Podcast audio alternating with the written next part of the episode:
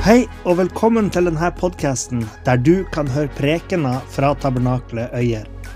Vi håper det du hører her, vil være til oppbyggelse for det, og at det kan være til hjelp med å lede det til sannheten om Jesus.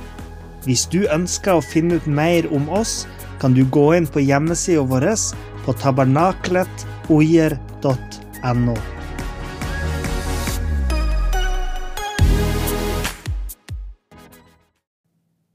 Jeg vil eh, stille dere et spørsmål. Kjenner du naboene dine?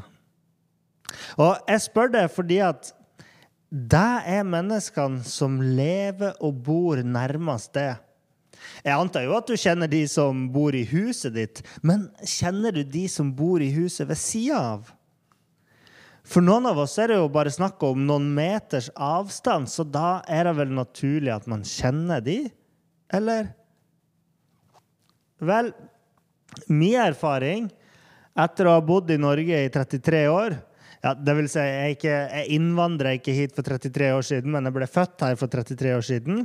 Og min erfaring er at vi kjenner ikke naboene våre så godt. Og det er selvsagt litt sånn forskjellig for hver enkelt, men jeg tror generelt at det er litt sånn. Samtidig så har jeg òg en liten sånn mistanke om at man kanskje kjenner naboene sine litt bedre i mindre bygder, sånn som i Øyer. Uh, for jeg, jeg, så en undersøkelse fra USA. Jeg har ikke sett noe fra Norge, men i hvert fall i USA så er det litt sånn at uh, man kjenner naboene sine litt bedre i små byer og små bygder og sånt enn man gjør i storbyene. Uh, så derfor så, Jeg har et sånn merkelig inntrykk av at uh, bor man på gård, på landet, så kjenner man ofte naboene sine bedre enn om man bor i ei blokk i byen. Sjøl om uh, at man, når man bor på landet, så kan det jo være hundrevis av meter imellom husene. Og sånn, Jeg bodde i en bygård i Oslo og hadde nesten ingen peiling på hvem som bodde over, under eller ved sida av meg. Eh, jeg hørte jo liksom stemmene eh, gjennom stueveggen, men jeg visste ikke hvem stemmene tilhørte. Men når jeg var barn og besøkte gården til farmor og farfar, så husker jeg at naboene fra nabogården bare kunne komme uanmeldt på en liten kaffekopp. Eh, og jeg kjenner naboene mine bedre her i Øyer enn jeg gjorde i Oslo. Så vi er litt rar på den måten. Og vi snakker jo for tida om det å være hverdagsdisipler. Vi har en, en uh, taleserie om å være som Jesus i hverdagen. At vi mennesker er kalt til å tro på Jesus som Herre og Frelser og leve som Han og imitere Hans liv hver dag. Og I den første preken i denne serien så nevnte jeg misjonsbefalinga, der Jesus sa i Matteus kapittel 28, vers 18-20.: Meg er gitt all makt i himmelen og på jorden. Gå derfor ut og gjør alle folkeslag til disipler, idet dere døper dem til Faderens, Sønnens og Den hellige ånds navn, og lærer dem å holde alt det jeg har befalt dere. Og se, jeg er med dere alle dager inntil verdens ende. Altså Det viktigste en disippel gjør, er å gjøre andre mennesker til disipler. Og hjelpe andre mennesker til å bli etterfølgere av Jesus. At vi skal være en bro til tro for de som enda ikke tror. Så disippelskap er derfor alltid relasjonelt i sin natur. Først og fremst så har du en levende relasjon til eh, Jesus. Eh, det er en relasjon til menighet, altså de andre troende, de andre disiplene. Og det er å søke kontakt med de ufrelste, eller de som enda ikke har blitt disipler. Men mange av oss kjenner jo ikke naboene våre engang.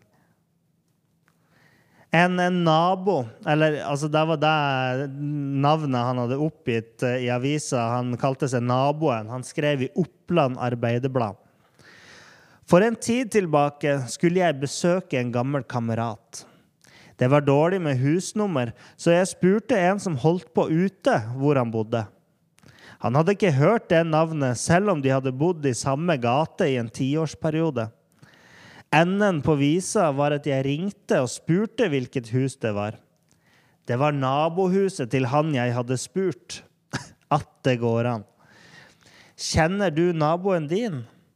Kanskje det er meg som bor i nabohuset eller i leiligheten.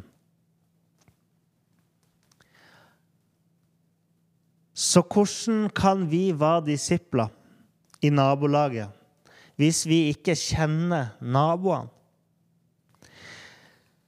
Noen ganger så tror jeg vi har et litt sånn høythengende ideal om hvordan disippelgjæring skal se ut i hverdagen, eller bare generelt. Vi kan ha forventninger om sånne store evangeliseringskampanjer og vekkelsesmøter. Eller at man bare inviterer helt fremmede folk på gudstjenesten, liksom. Og så, og så blir masse folk frem, frelst. Og det skal kanskje skje mirakuløst bare på et øyeblikk, med en sterk opplevelse og alt det her. Men ofte så så skjer det ikke gjennom evangeliseringskampanjer og vekkelsesmøter. Eh, og ofte så krever det eh, at det tar tid. Og det kan kreve bekjentskap og tillit. Det kan kreve samtaler. Det kan kreve gjentatte invitasjoner. Og det kan kreve at du faktisk må investere noe i andre mennesker. Å være en disippel innebærer å være en disippel der jeg er, midt i hverdagen, for de menneskene jeg omgir med meg. Og noen av de menneskene jeg ser oftest, er jo mine naboer. Og jeg sier ikke at jeg er verdensmester på det her. sånn at uh, Det å bygge på en måte relasjoner med naboene mine er en utfordring til meg sjøl. Eh, så jeg kommer ikke her og sier liksom, å, bare vær sånn som meg, så skal det gå bra. Nei, for jeg òg trenger å, å, utfordres på det her.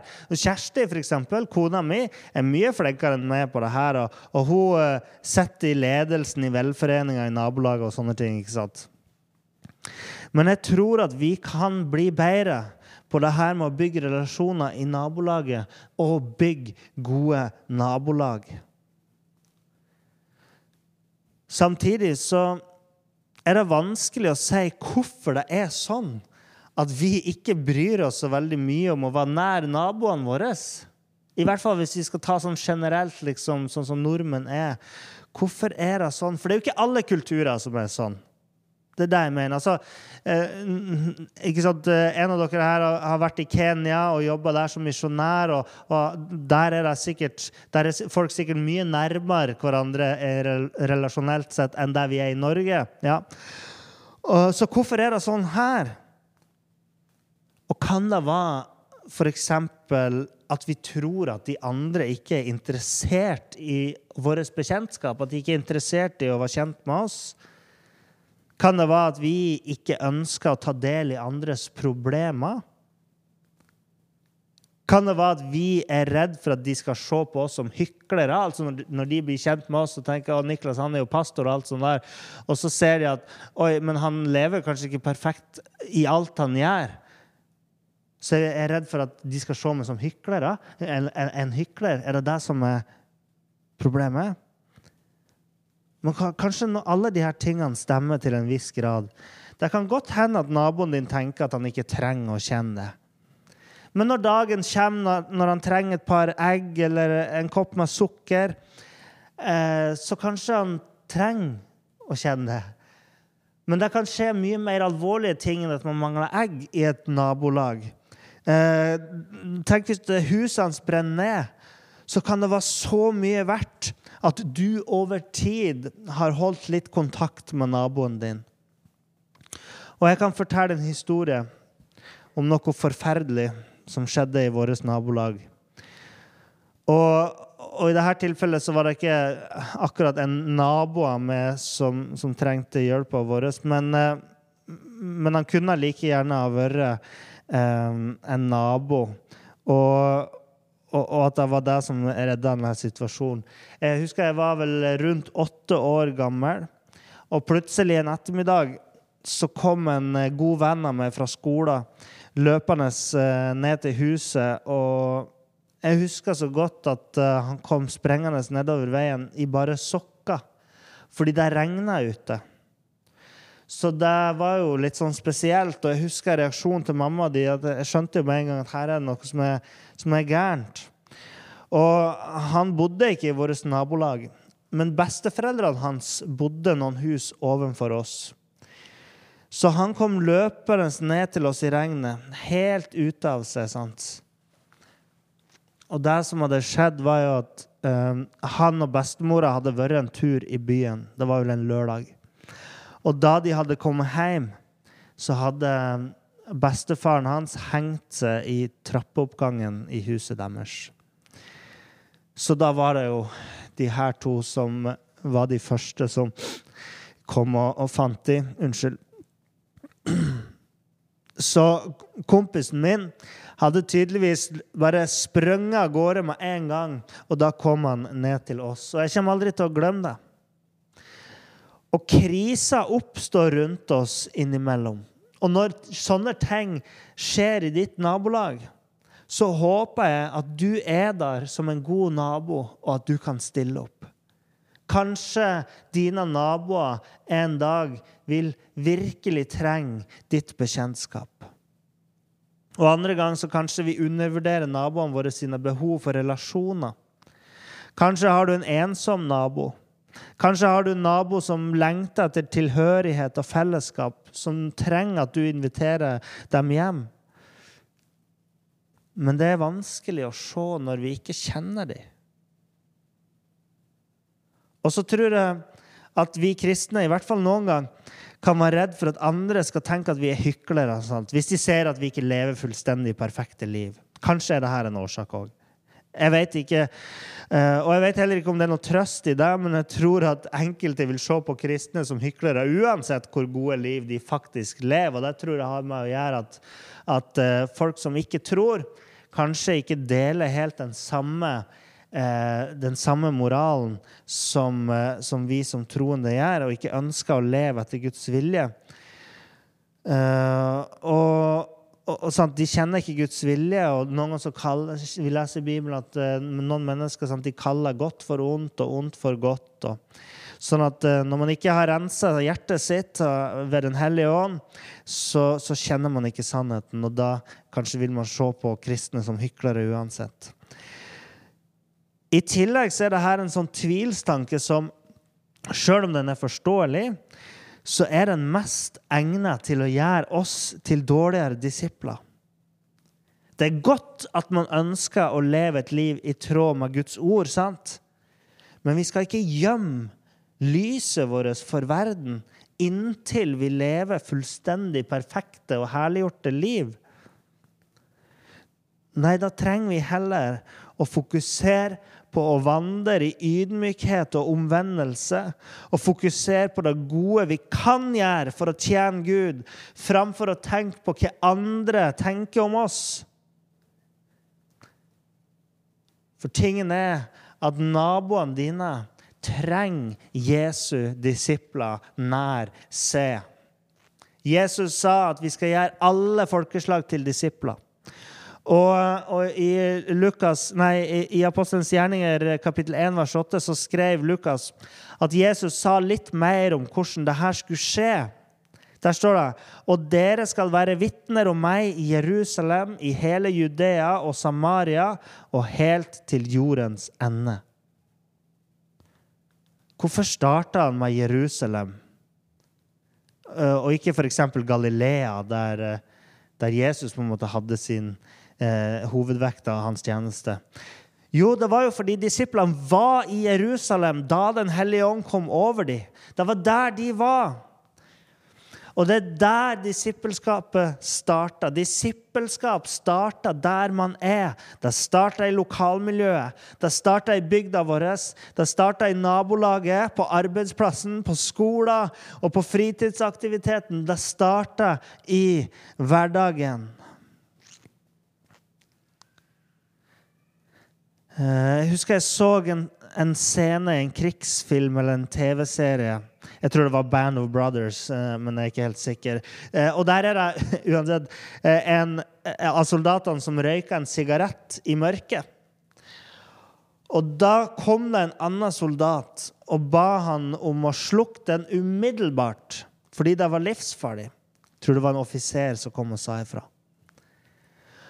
Og Offiseren han, han, sa at han skulle slukke den sigaretten fordi det var livsfarlig. Ikke fordi at denne soldaten kunne få lungekreft om, eh, om 70 år, liksom, men fordi fienden kunne se lyset fra den glødende tuppen av sigaretten.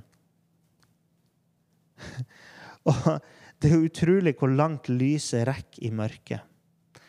Eh, her har, vi, se, her har vi et eksempel eh, på et bilde i mørket. og Det er et bilde av Norge om natta, sett ifra verdensrommet. Til og med Lillehammer, til og med Øyer er på det bildet, selv om det var litt lav oppløsning, så vi kan ikke se akkurat eh, Øyer sånn konkret. Men Øyer er med på det bildet her. Og, og til og med utelyset ditt er synlig fra verdensrommet. I hvert fall hvis man har med en liten kikkert opp dit.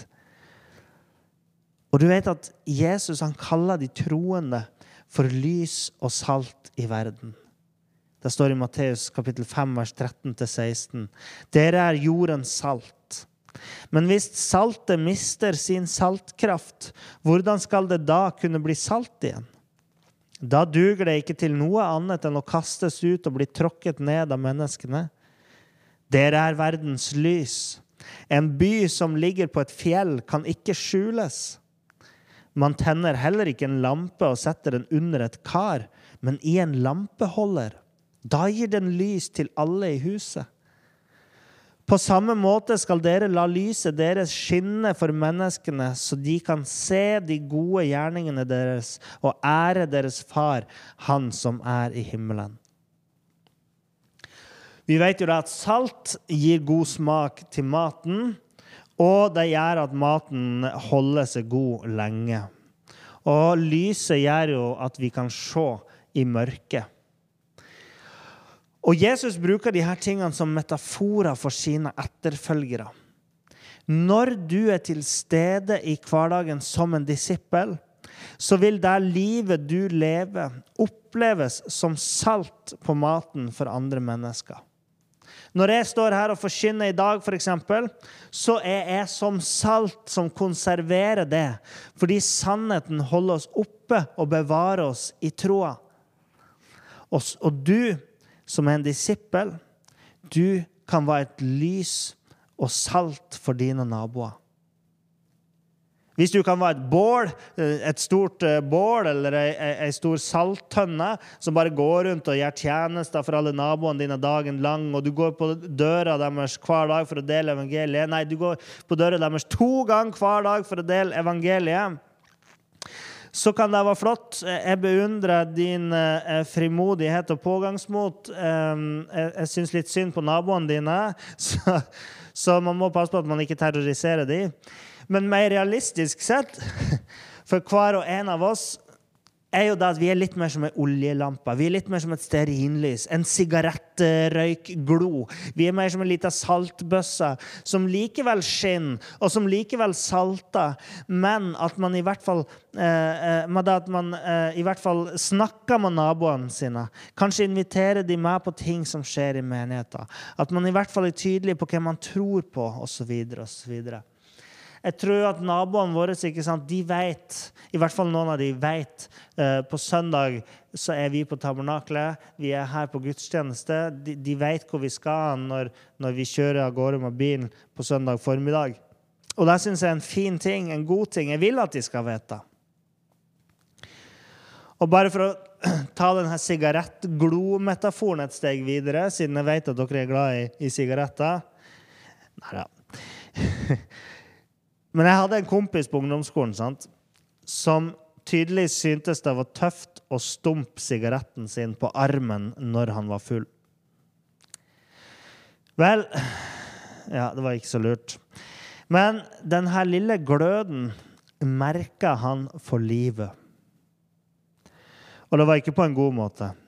Men poenget mitt med den historien er at det er kraft i sjøl en liten gnist, og sjøl i ei lita klype salt.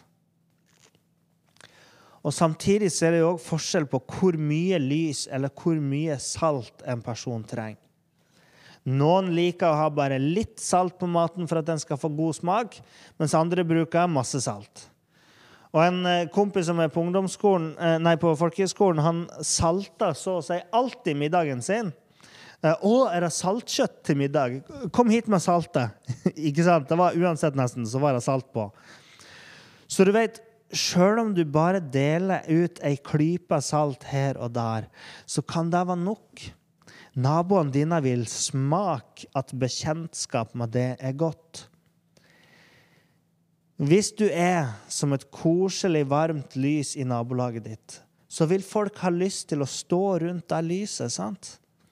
Så vi må være lys og salt i verden fordi vi vil gjøre andre til disipler. For det er jo akkurat det som er å være en disippel av Jesus, at man gjør andre til disipler. Og hvis man ikke prøver å gjøre andre til disipler, så er det vanskelig å kalle seg en disippel av Jesus. Hvis man ikke prøver å gjøre andre til disipler, så er det vanskelig å kalle seg en disippel av Jesus. Hvis saltet mister sin saltkraft, sier Jesus, så duger det ikke. Og når det gjelder våre naboer, så er det jo sånn at det er vanskelig å la saltet utøve sin saltkraft på dem hvis man ikke har kontakt med dem. Hvis du ikke vet hvem naboene dine er, hvordan kan du be for dem? Hvis du ikke kjenner naboene dine, så hvordan kan du vise dem godhet? Hvis du ikke snakker med naboene dine, så hvordan kan du dele de gode nyhetene om Jesus? Vi er nødt til å gå utafor lønnkammeret vårt noen gang. Utafor husets fire vegger, kanskje. Var til disposisjon for Gud. Søk gode relasjoner utafor heimen vår.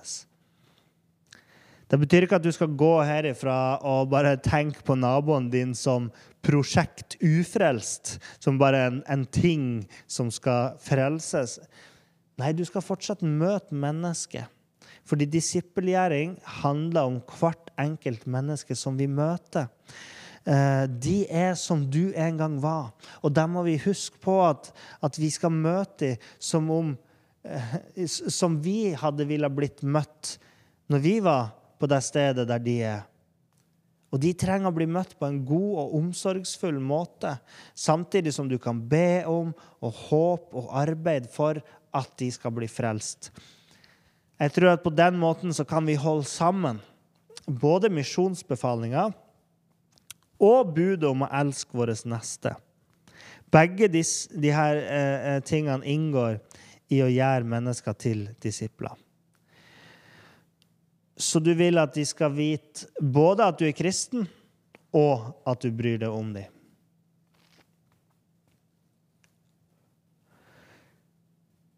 For et par måneder siden så fikk jeg muligheten til å være en disippel for en av mine naboer. Og jeg delte det her på den Bro til tro-samlinga vi hadde, så noen av dere har hørt det før. Og det var en som hadde delt et innlegg på Facebook om noe som var litt vanskelig for han. Det var bl.a. at han hadde en sykdom som var veldig smertefull. Men han, han, lik, han, gjorde likevel sånn og sånn for ungene hans sin skyld. Han ofra liksom litt for ungene sin skyld og tålte å holde ut litt smerte. Og så opplevde han likevel at det var litt sånn baksnakking i bygda om han, og, og, og, litt sånne ting som var litt vanskelig. Og det var noe med det han skrev der som, som bare rørte meg, uh, som gjorde at jeg tenkte på det i, i flere dager etterpå. Og så for jeg på butikken en kveld. Uh, jeg skulle bare kjøpe noe småtteri, liksom. Og så bare fikk jeg for meg det um, som en sånn innskytelse. Og Jeg tror kanskje det var Gud som, som ga det til meg, at jeg skulle gi han en oppmuntring.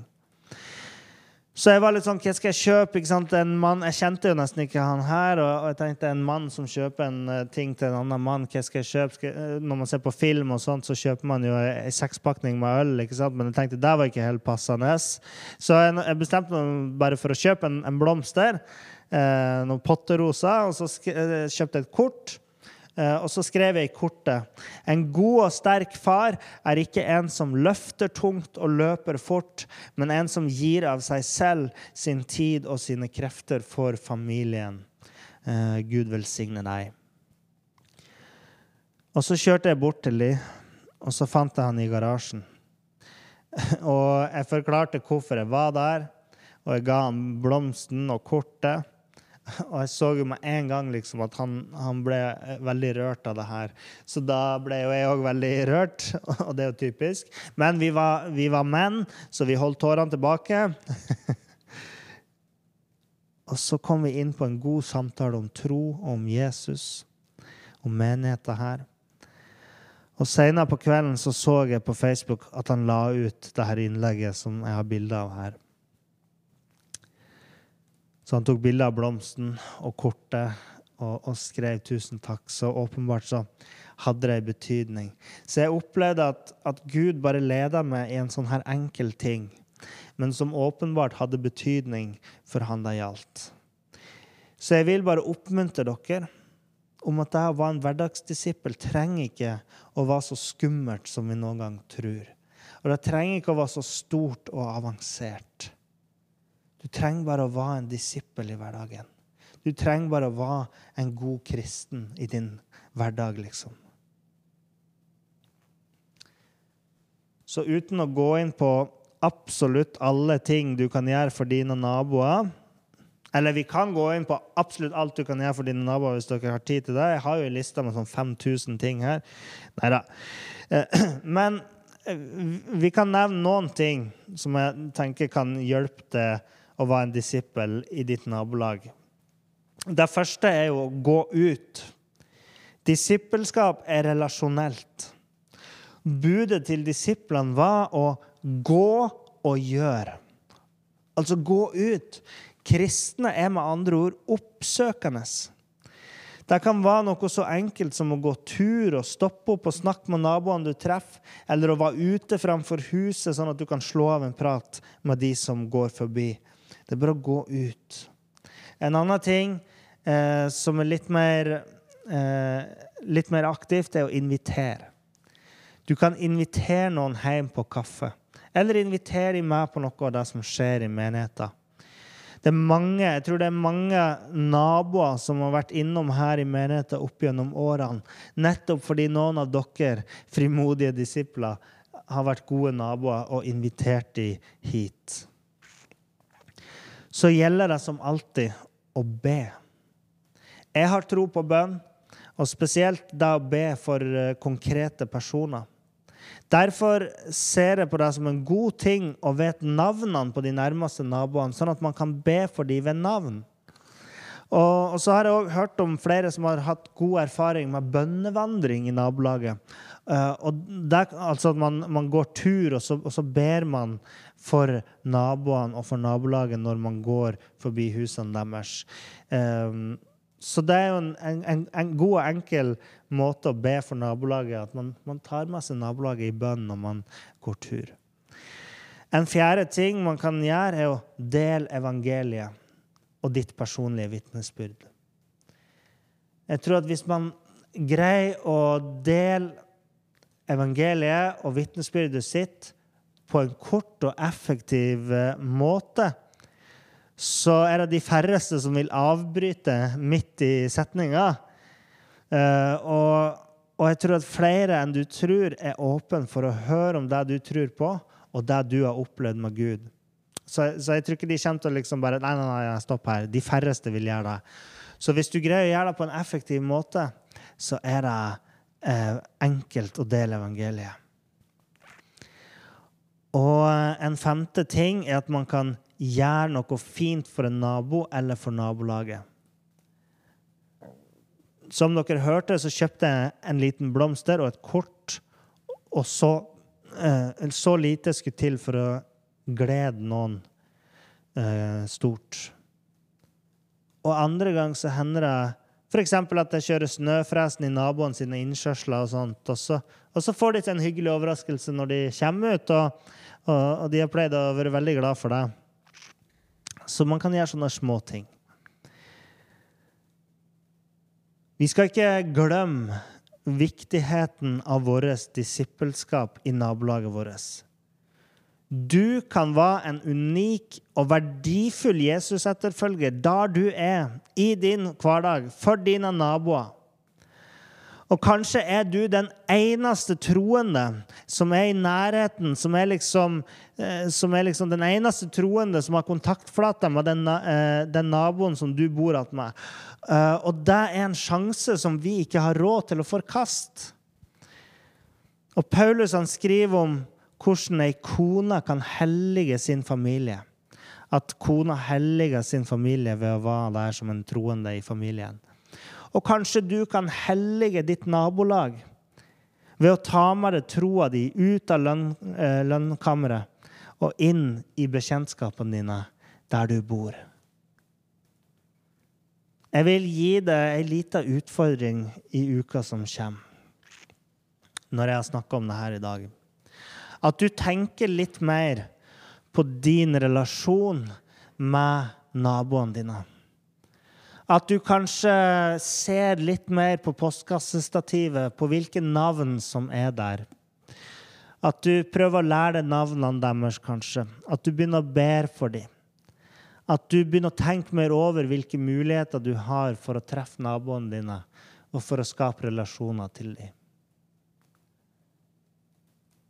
Og så bare håper jeg at du, du vil eh, oppleve at Gud er med deg i det. For Gud han er med oss uansett hvor vi går hen. Eh, og, og, han ønsker bare at vi skal gjøre det vi kan. Det trenger ikke å være det største og, og heftigste.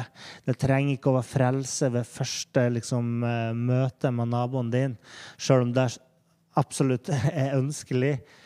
Men, men, noen ganger så tar det tid, og, og, Gud vil være med deg, og Gud gleder seg over det du gjør. Så la oss, eh, la oss be. Herre Far. Jeg takker deg for, eh, for, det ordet du hadde til oss i dag. Jeg takker deg for at du er disippelskapets Gud som leder oss i, i vår vandring sammen med, med det og sammen med Jesus.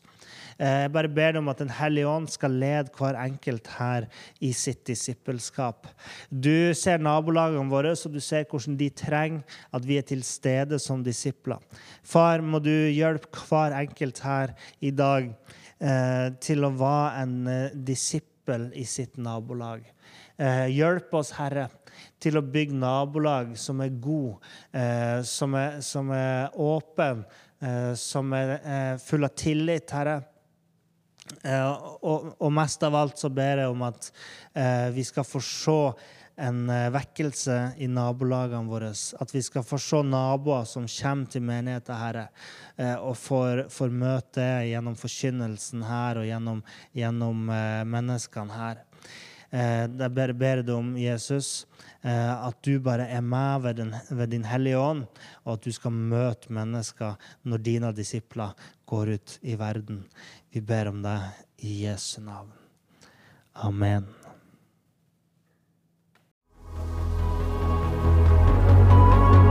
Takk for at du hørte på.